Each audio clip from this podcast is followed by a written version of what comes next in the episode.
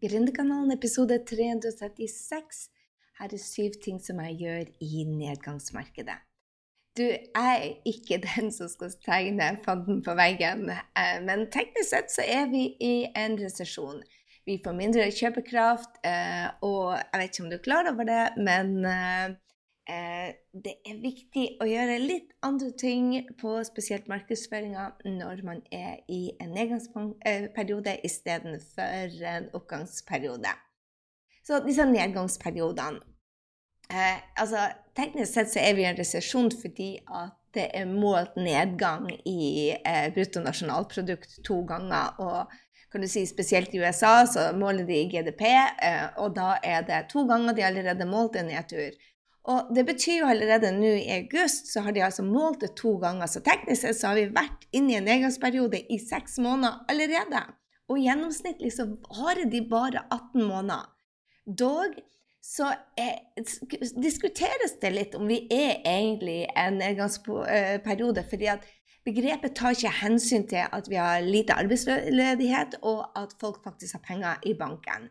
Så, men veksten i økonomien er jo negativ. Vi har fått dyrere strøm, høyere inflasjon. Altså, du, du, har jo kanskje merka det på bensinprisene hvis du har bil. Og det som skjer da for våre kunder, er jo det at man sparer på luksus.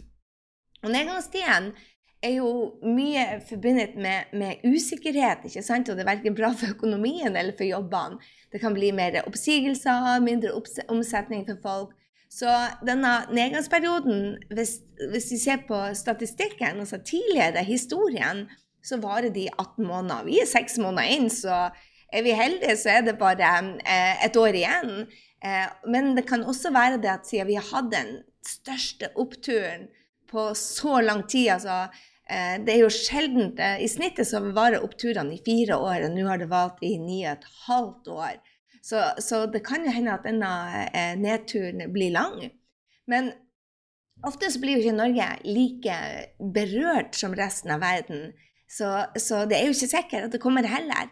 Det jeg da vil Jeg er jo ikke noe, jeg, jeg på å si jeg er ikke noe økonom, det, men det er jeg jo. Jeg er jo siviløkonom, men det er derfor jeg er her for deg. Min jobb er jo å um, dele med deg de tabbene jeg har gjort, og hvordan du kan gjøre det annerledes. Eh, for jeg tror det er superinspirerende, det vi går inn i. Og jeg tror også det at um, mange kan bli tatt ut av den negative bølgen hvis de ikke, er, har, hvis de ikke har en annen intensjon.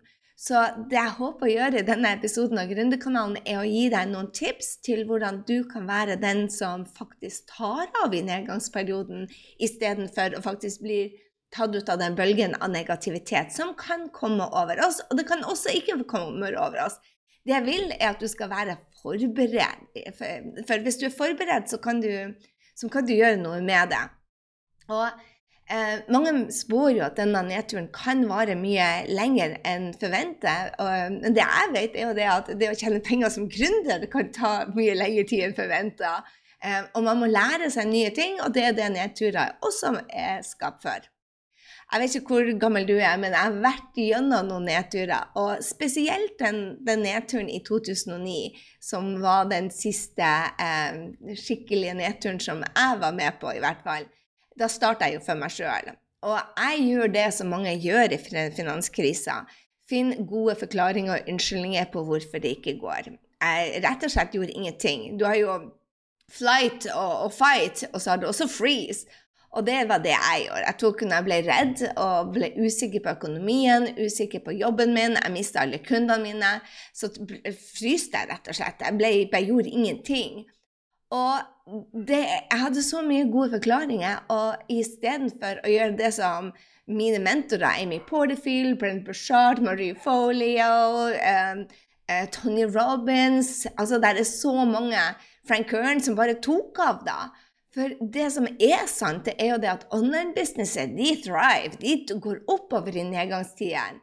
Men skal du være en av de som eh, går oppover, så det er smart å gjøre noen, eh, noen forberedelser.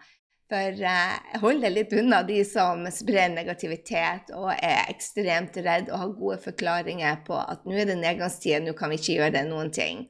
For sannheten er, syns jeg i hvert fall, min sannhet er det at det er i nedgangstid vi ser etter ledere. Og det er i nedgangstider, f.eks.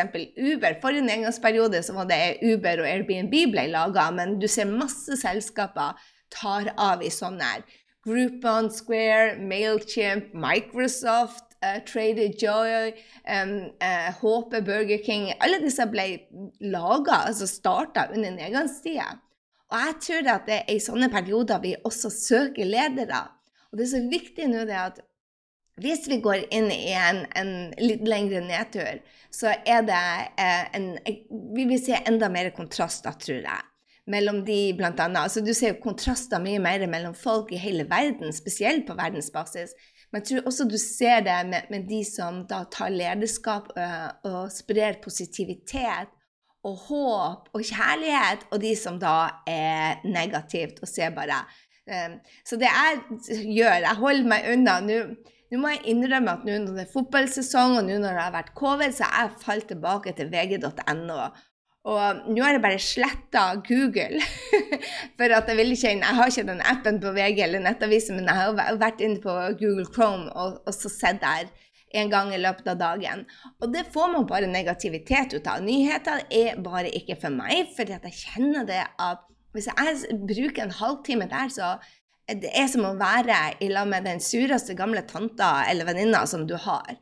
For der er det bare negativitet. Mens det er mye, mye bedre å da eh, henge med de som er positivt.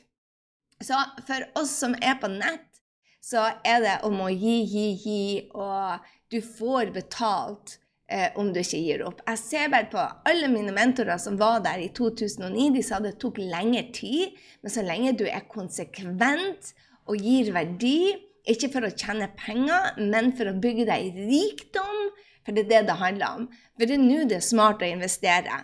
Altså, eh, de fleste, Hvis du hører på Warren Buffett eller Tony Robins, alle de som han har, inn, eh, som han har eh, um, Jeg tror den heter 'Money', den boka, hvor han har intervjua de som um, er de verdens wealthiest people. ikke sant? Og hva sier de? Jo, det er nedturene man bygger rikdom. Det er da du må uh, holde deg motivert. Uh, og være den som bringer positivitet og glede. 'Bring the joy', som Brenton sier. Uh, og ikke vente på at du skal få motivasjon, men være den som skaper motivasjon og sprer inspirasjon. Så og Warren Buffett sier at dette er perioden hvor du faktisk lærer deg nye ting. Setter deg mål og gjør noe istedenfor å sitte i ro og tenke og vente på at denne nedturen skal være over. Det er det vi ikke trenger. Vi er i en overgangsfase nå. Eh, og jeg, i hvert fall personlig så er kanskje du og det. Eh, kanskje du bytter jobb, kanskje du driver og starter for deg sjøl, kanskje har du unger som flytter ut, kanskje er du sånn som meg flytter. Jeg holdt på å bygge businessen min opp på en litt annen måte, så businessen min er i en overgangsfase. Uh, meg og eksen er i en overgangsfase, meg og ungen er i en overgangsfase. Hele familien er bare i en flytteperiode. Um, så, så det er så mye støy, da. Og når du da har overgangsvinduer, holdt på å si Hvis du har overganger, så har det alt å si hvilket mindset du har hvordan du ser på det. For med, med, med sånn transition-periode, med overgangsperioder, så, så er det mye redsel, det er usikkerhet. Det er usikkerhet for de vennene, det er usikkerhet på hvordan, hvor du skal hen i verden, Eh, hva som forventes ut av deg. Så skal du være den da som får mer ut av livet og elsker mer og være mer og får mer ut av, av jobbsammenhengen, så, så, så det, det, kreves litt. Det gjør det. Og da er det mindset som har alt å gjøre.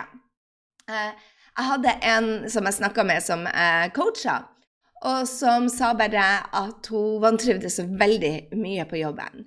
Og, og um, hun skulle da på en ledersamling, og så sier hun det at hvis jeg hadde vært leder, så um, skulle jeg gjort det her på en helt annen måte. Og uh, akkurat nå så bare trekker jeg meg tilbake. Mens hadde jeg vært leder, så har jeg gjort noe annet. Og da tenker jeg at dette her gjelder så mye for både de som er eh, CEO i sin egen business, og til de som ønsker å være CEO. Og det er faktisk at du må steppe up og være. Be først. Du må være en leder først. Og så vil du eventuelt um, få det, den lederskapsposisjonen, også når du er der ute i verden. Du må opptre som en CEO, og så vil du få en CEO-stilling. Det er ikke sånn at du kan være en som bare trekker deg tilbake, og så forventer å få en lederstilling. Nops. Så spesielt i nedgangstider så er det så viktig å, å, tenke på dette med at du må være den personen som skal ha det eh, du forventer senere. Og så må du begynne å ta action. Imellom der så det er masse, masse action. Så f.eks. på meg hvis jeg skal lede en 20 millioners bedrift Målet mitt er å ha en 100 millioners bedrift og vise deg at det er mulig for en helt vanlig person som meg og deg å ha en bedrift som omsetter for 100 millioner, og som hjelper folk, og som er der med hjertet. Eh, og det er det jeg ønsker å gjøre. Det er mitt langsiktige mål. Men mitt kortsiktige mål er 20 millioner. Og da må jeg være en leder først. Jeg må bli en leder først til en 20 millioners bedrift.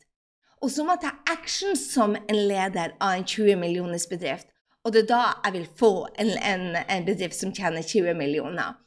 Og, og istedenfor å tenke bare å, jeg vil ha de 20 millioner først, og så skal jeg ta noe action, og så skal jeg være en leder, funka ikke den veien. Og dette gjelder uansett om du har en vanlig jobb, eller om du er gründer. Og uansett så, så er de, de overgangsfasene de, de er tøffe uansett. Eh, for der er mye usikkerhet. Da jeg starta for meg sjøl, og den forrige finanskrisa var her, så um, var jeg nyoppstarta gründer. Mista alle kundene mine. Ble deprimert. Jeg var allerede sykemeldt. Jeg isolerte meg sjøl. Jeg var på Nav. Ble separert i prosessen. Og jeg tenkte bare Hva gjør jeg nå? Og jeg, jeg satt på ræva og venta på at denne finanskrisa skulle gå over. Det var akkurat det jeg gjorde, og det er bare ikke en lur strategi. Så jeg har lært av det, og jeg intervjua mine mentorer om hva de gjorde istedenfor. Og det jeg gjorde da, det var at jeg så for meg OK, jeg, jeg ga, ga, meg selv I 2010 så ga jeg meg sjøl eh, 18 måneder til å eh, rett og slett ikke gå tilbake til min vanlige jobb. Jeg la press på meg sjøl. Jeg ville ikke miste ungene mine. Ville ikke miste huset. Jeg ville ikke tilbake til den lille cella jeg hadde på jobben. Og, og jeg ble veldig inspirert om at, uh, at, ingen kommer for å redde deg. Jeg ble bare ekstremt motivert ut av Tony Robins, hvor han sa det igjen og igjen og igjen. Det er ingen som kommer. Du har fått deg hit. Det er de action du har gjort, har fått deg til dette. Eh, dine dårlige valg har fått deg hit. Og ingen kommer til å redde deg. Selv ikke Nav. Og det funka ikke å vente. Du må starte. Og jeg tror det var den, den at jeg begynte å lese den, den boka Det var vel Tony Robins første bok. Um, som, og jeg dro på en event med han etter jeg leste den boka. Så i 2010 så dro jeg på en event til han. Jeg kjørte ned fra Oslo og til Roma uh, for å være på en event med han. Og det, det, gjorde det at jeg begynte å henge med andre mennesker. Jeg begynte å få andre rutiner, og det er rutinene som spiller noen rolle. Og da gikk jeg altså fra 60 000 i årsomsetning til 5,5 millioner på 18 måneder med å gjøre de rutinene hver eneste dag. Og jeg tror at nå når jeg skal dele de syv tingene som jeg gjør i denne perioden når det er nedgangstider, så er speed og, og, innsatsen, den teller. Du trenger ikke ha det travelt, men det hjelper ikke å sitte på rumpa og, og, og um, ikke markedsføre, f.eks. Du er nødt til å være konsekvent. Det er det jeg hører ut av alle mentorene mine. Jeg har nettopp vært med James Wedmore i um, Montana. Jeg håper du lytta til podkasten for tre uker siden hvor jeg delte om mine total breakdown. Men, men det jeg ser, det er at de har kjørt de som er, tjener over 20-30-40 og opptil 100 millioner eh, kroner. Og det er ikke tull. Jeg var sammen med folk som tjente over 12 millioner og 13 millioner dollar. Um, og det de sa alle sammen, det var det at du må være konsekvent. Du, hvis du skal tjene penger og, og forsørge familien din og forsørge deg, så må du lære deg å tjene penger. Og hvordan gjør man det? Man vokser som person. Så hvordan vil du vokse? Vel, det hjelper ikke å tenke med det som du har gjort hittil, og tenke 'jeg er ikke rå, jeg er ikke klar, jeg er ikke tid', 'dette er ikke et bra tidspunkt'. Det her er unnskyldning for det at vi er redd, men begynner å stille oss gode spørsmål som 'hvem er være'? For å nå målet mitt, hvem vil jeg være? Og begynne å se de mulighetene, og ikke bare utfordringer. For tro meg, der er begge deler. Der er enormt mange utfordringer der ute. Og der er også veldig mange muligheter. Og jeg tenker at denne nedturen er å tørre å være i prosess, og ikke gå glipp av denne nedturen. Se på de mulighetene som, som dukker opp og ikke vent på å være den beste du har nådd i målet ditt, men, men se på at du er i prosess. Og, og ja, i, i, starten da jeg starta, så, så, lærte jeg og lærte og lærte. Jeg bare lærte av Brenton og Marie og Eben Pagan og Jeff Walker. Og jeg, jeg hadde så mange mentorer som jeg lærte av. Og så delte jeg det de lærte. For jeg, jeg kunne ikke markedsføring da. Men når jeg hadde tjent 5,5 millioner, så tenkte jeg oh, det her må jeg jo tjene, eh, nei, må jeg dele med andre. Så det jeg vil at du skal gjøre, det er det at du har fokus på én ting i gangen og følger en salgsstrategi. Og når du har funnet den salgsstrategien din, bare gjør dette om og om og om igjen. Jeg har en superenkel salgsstrategi. Jeg har en podkast du lytter til nå. Jeg bruker sosiale medier til å få deg til å lytte til den podkasten. Så bygger jeg e-mail-liste, og innimellom så kjører jeg noen webinarer hvor jeg selger produktet mitt. Dette er så enkelt at hvem som helst kan gjøre det. Så jeg har bare lyst til å dele med deg at nå er det nedgangstid der. Det er ikke tida for å spare på å utvikle deg selv. Det er ikke tida for å stoppe å investere i markedsføring. Det er ikke tida til å stoppe for å, slutte å selge. Dette er tida hvor du bygger deg opp. Dette er tida hvor de fleste tar av. Hør meg. Alle mine mentorer som, var, som, som jeg bruker i dag, starta i 2009. Mange av dem mista jobben. Mange, noen av dem sa opp jobben sin når det var en nedtur, og sa bare 'jeg skal gjøre dette her'. Og forskjellen på de som vi aldri har hørt om, var det at de gjorde ikke jobben. De var ikke konsekvent. Så her er de syv tingene som jeg har lært meg å gjøre nå når jeg har intervjua både James og Brenton og Dean Graziosi, og jeg har lært ut av så mange. Jeg spør hva er det det dere gjør? Og det første det er å ha en visjon. Men i overgangsperioder så er dette utfordrende, og du vet ikke helt. Det jeg vet, da, er at du må vite det neste store steget du skal ta. Den, den, den store bøygen du må gjennom. Og for meg f.eks. så var det til og med nå eh, var det å ansette en eh, COO hos meg, som skal eh, lede bedriften i lag med meg. Og det kreves mot. For tro meg, når du gir bort i lønn, ikke gir bort, når du investerer bort i en annen person, så betyr jo det, det at, at, din million som du kunne bruke på det du på ditt hus, det er nå borte. Men dette er det viktigste steget jeg gjør i denne, dette halvåret. Og så har jeg en visjon om neste halvår. For hør her, visjonen din trenger du ikke å vite. Men du må vite retninga du ønsker å gå i, selv om du ikke vet. Jeg vet ikke hvor jeg vil være om ti år, men jeg vet at jeg vil um, lede en 100-millionersbedrift og være en inspirasjonskilde for alle de som tenkte bare jeg vil starte for meg sjøl, jeg vil gjøre noe viktig. Og dette kreves mot. Det er, fordi det er den som skal styre deg framover. Og nummer to er å ha målet foran seg hver eneste dag. Visjonen besøker jeg inn i en meditasjon eller to i løpet av uka. Men det konkrete målet, det konkrete målet, det å, å si at dette er det jeg gjør disse 90 dagene Vet du hva? Jeg, jeg, meg, jeg setter meg ekstremt høye mål som jeg aldri når. Det var feil. Som jeg aldri når innen den tidsfristen jeg setter meg. Men jeg har nådd de målene som jeg har drømt om. De har jeg nådd. Altså, jeg, har, jeg, hadde ikke fantasi nok til å drømme om at jeg skulle komme der jeg er i dag. Helt ærlig. Det at jeg kan nå kjøpe meg en leilighet, jeg er gjeldfri. Jeg kan kjøpe meg, sitte i et hus til 25 millioner nede på Rivieraen. Jeg har en båt, jeg har en bil. Jeg kan reise hvor som helst i verden. Jeg kan jobbe når jeg vil. Jeg kan ansette noen. Jeg, jeg, jeg har en frihet som jeg ikke engang hvis noen skulle ha sagt at jeg ville tjene 15 millioner i året som en ensom gründer som uten team 15 millioner i året Så det er to år siden vi gjorde det. Siden jeg gjorde det. Eh, når, når, vi gjorde det i hva det ble, 2020, så nådde jeg alle målene mine. Og jeg tenker bare Jeg hadde ikke fantasi for ti år siden til når jeg satt der på Nav i 2009 og laga mål. Da drømte jeg om en millionbedrift. En millionbedrift. Jeg drømte om å kunne ha frihet til å jobbe for meg selv istedenfor å være avhengig av Nav. Det var ingenting på den lista mi som sa at jeg skulle noen gang sitte her jeg er i dag. Så jeg tror at målene dine med denne historien kommer til å bli mye, mye bedre enn du ser for deg. Helt ærlig, jeg tror det. Det her er så mye større enn jeg kunne ha forestilt meg til og med fem år tilbake. Og det er så sant for mange av mine kunder. Når jeg snakker med mine kunder, så sier de at det krysser kryss i taket, jeg kan ikke skjønne hvordan jeg kom meg hit.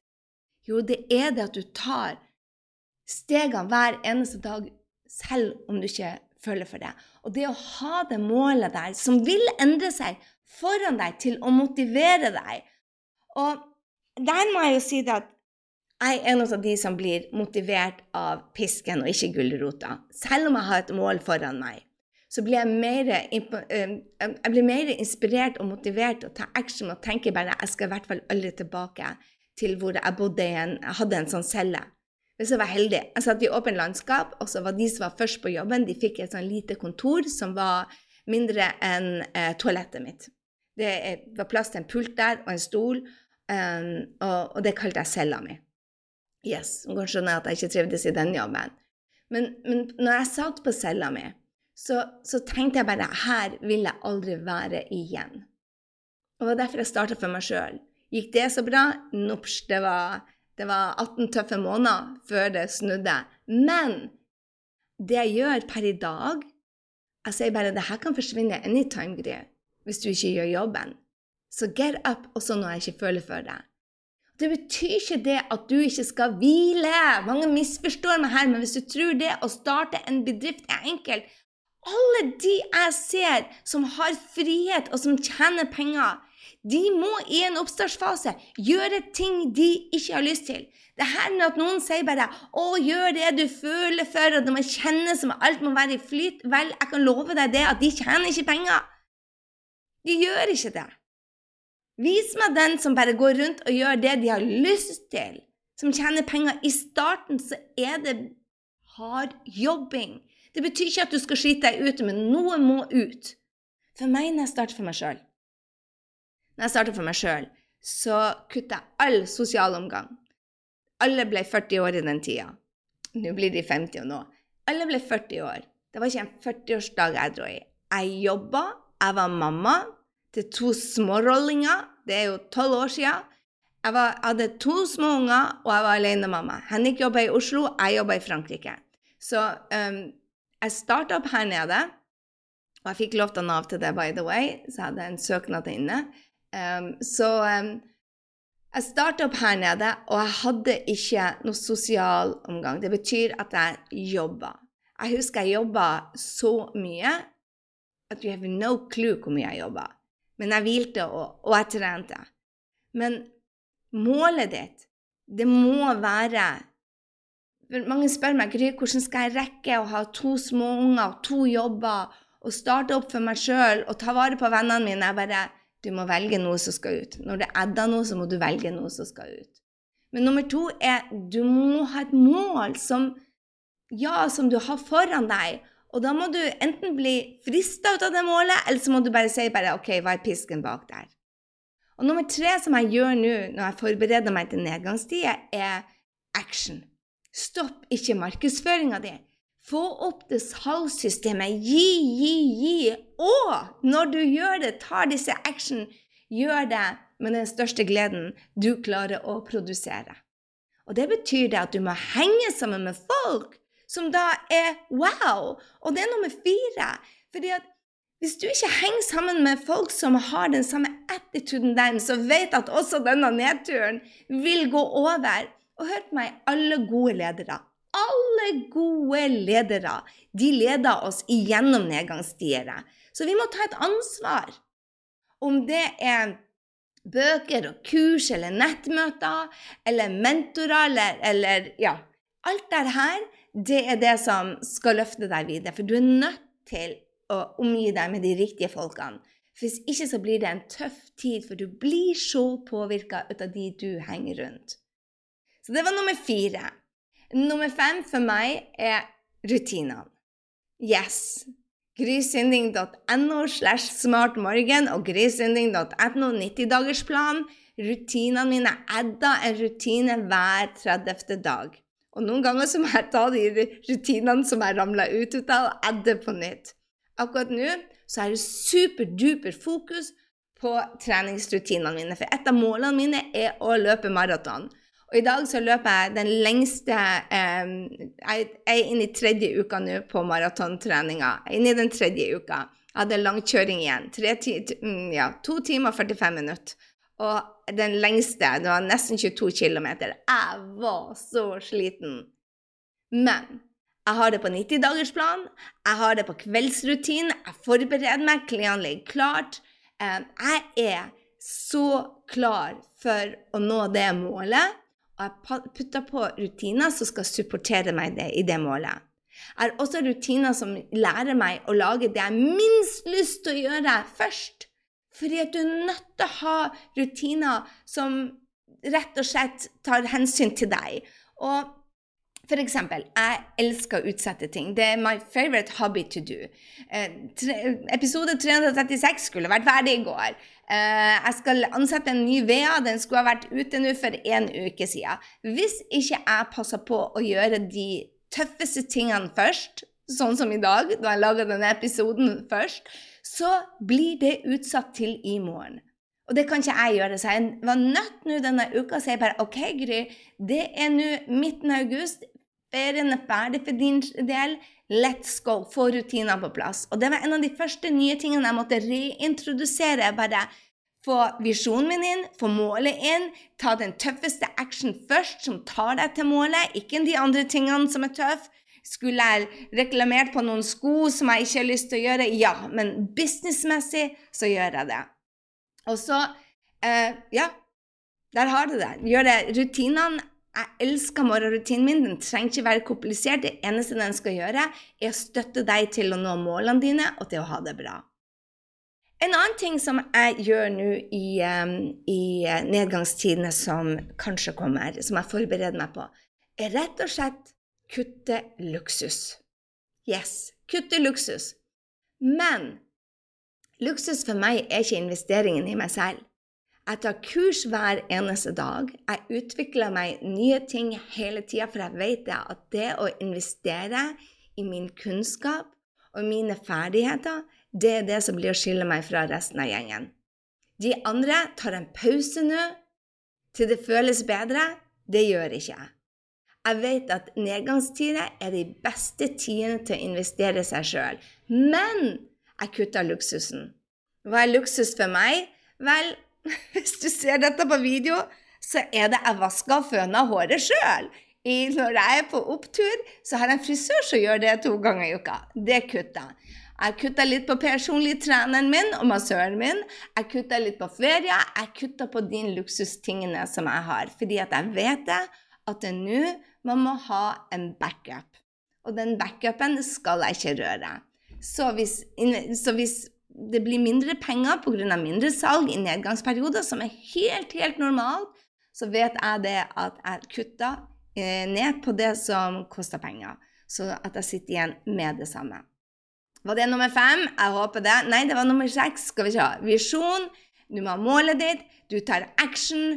Du omgir deg med de riktige folkene, du har rutiner som løfter deg, du kutter luksusen, men du stopper ikke investeringen. Og den syvende jeg fokuserer enda double down on takknemlighet.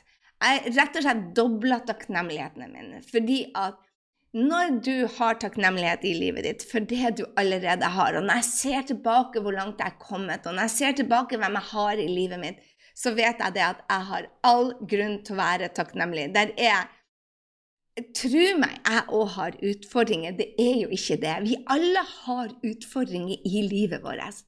Det er bare ingen som er skåna for det. Men du blir så sabla dyktigere til å håndtere de når du leder deg selv og andre.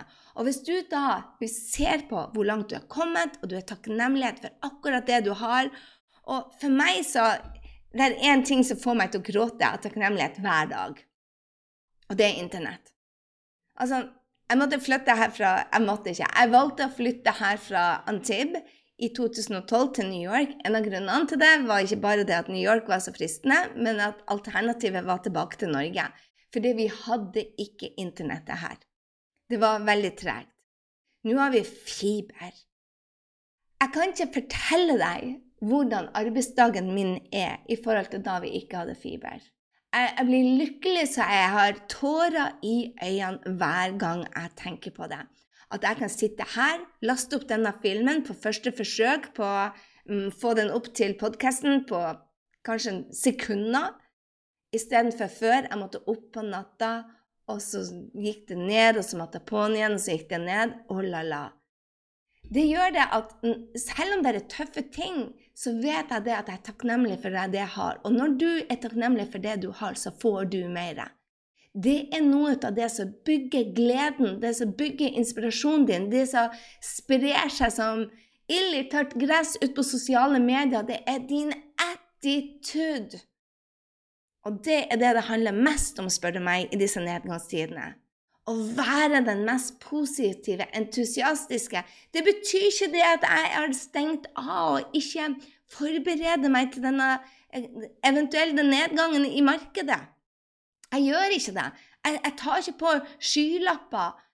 Men det jeg gjør, er å holde positiviteten min oppe. Og ha fokus på det som er viktig. Hvor jeg skal henne, hvem jeg skal hjelpe, hva målet mitt er. Jeg fokuserer på den action jeg må ta, med den rette attituden. Og den action jeg må ta, er å ha et salgssystem som jobber for meg uansett markedet. Jeg har folk som er positive, som heier på meg, og har rutiner som løfter meg, og jeg kutter luksusen, og jeg er takknemlig for det jeg allerede har. Er jeg sånn hver eneste dag? Absolutely. Jeg hadde nettopp besøk av ei venninne, og jeg var sliten. Jeg hadde reist for mye. Jeg var begynt i oppløpet til maraton. Jeg hadde hatt ja, seks reisedager. Så var det to uker med familie. Jeg var klagehumør. Jeg var klagehumør, så det er ikke som jeg er positiv hele tida. Da er det det. Det er en ny dag i morgen. Gjør kveldsrutinen din, gjør morgenrutinen din, og bygg deg opp igjen. Og så er du rett tilbake. For akkurat nå så er det så viktig å være der ute som en leder. Det, er nå vi er nødt til å ha fokus på de kortsiktige resultatene og med den langsiktige jobben vi må gjøre er det mindre fokus på visjonen vår, på hvor vi skal hen? For vi vet ikke. Det er i, I nedgangsperioder og i overgangsperioder så er det utrolig utfordrende å vite hvor vi skal hen. Derfor må du sette deg litt mer kortsiktige eh, visjoner enn vanlige. Men sett av den tida til å utvikle deg. Sett av den tida til å gjøre markedsføringa. Ta action. Ikke vent. Ikke vent. Dette er den største muligheten. Jeg prøver å si det til deg så høyt som jeg kan klare å rope. Nedgangsperioder er for oss som har en online-bedrift. Det betyr bare at du er en bedrift som vil ha kunder med sosiale medier og Internett. Ok? Om det er betalt, eller om det er organisk, sånn som jeg driver på med, jeg driver på med begge, så spiller det ingen rolle. Men du vil ha kundene dine fra internettet. Det er en online-bedrift. Dette er tida. Dette her er den beste tida du kan få til å bygge din business. Ikke la noen fortelle deg noe annet. Så lukk ørene og dropp av fokus på ting som du ikke kan gjøre noe med. Bensinpriser og høyere rente og strømpriser og alt det der. It's gonna happen. Uansett. Hvordan du håndterer det, om du bruker energien din på å irritere deg over det, eller om du faktisk har fokus på det du allerede har, og det du kan gjøre, det du kan bygge nå. Det handler om å bygge deg selv, og så tar det kanskje ørlite lengre tid å komme ut der. Men det gjør ingenting. For så fort det snur, så det er deg som har vært i ansiktet på det, in their face, baby, gjennom denne perioden. Og det får du betalt for, da. Så syv ting jeg gjør. Jeg håper du har glede ut av de. Jeg lover deg det, at det jeg gjorde, var å sitte på rumpa og vente til det skulle gå over. Det tok meg veldig lang tid. I forhold til mine kollegaer så bygde jeg det beste grunnlaget under nedturen. Tro meg, det å drikke sansær og spise potetgull over 18 måneder var absolutt ikke en god strategi for en nedgangsperiode. Men jeg så i hvert fall det. Det var mange som gjorde akkurat det de bruker å gjøre, og vente på at ting skulle gå over, og tenkte mye. Det får deg akkurat på samme plass som det å gjøre ingenting. Det er nå du må satse. Forbered deg, vær smart. Kutt på noe, men ikke kutt i deg selv. Vær den som inspirerer deg ute, som er den lederen. Dette er perioden for å bygge en business som rocker. Og hvis du vil ha min plan, bruke 90-dagersplan Der ligger en undervisning hvordan jeg bruker den til og med. Gå på grysynding.no slash 9090 dager. Og der får du 90-dagersplanen min. Den jobber jeg etter. Jeg korrigerte den nå, så nå har, har, jeg en som gjelder august, september, oktober bare. Og den er gull verdt for denne perioden. Målet er så klart. Hva jeg skal gjøre, er så klart. Alt jeg trenger å gjøre, er å show the heck up. Mens de andre sitter på rumpa, så gjør jeg og du jobben. Ikke sant? Vi høres allerede i neste uke. Likte du denne episoden, så glem ikke å dele den med noen som trenger å få dette lille sparket i bak, hvordan de kan forberede seg til den nedturen som kanskje kommer. Vi skal ikke spre negativitet i det hele tatt, men det er smart å være forberedt. Hvorfor sier jeg det? For at jeg gjorde det motsatte. Jeg ble tatt på senga.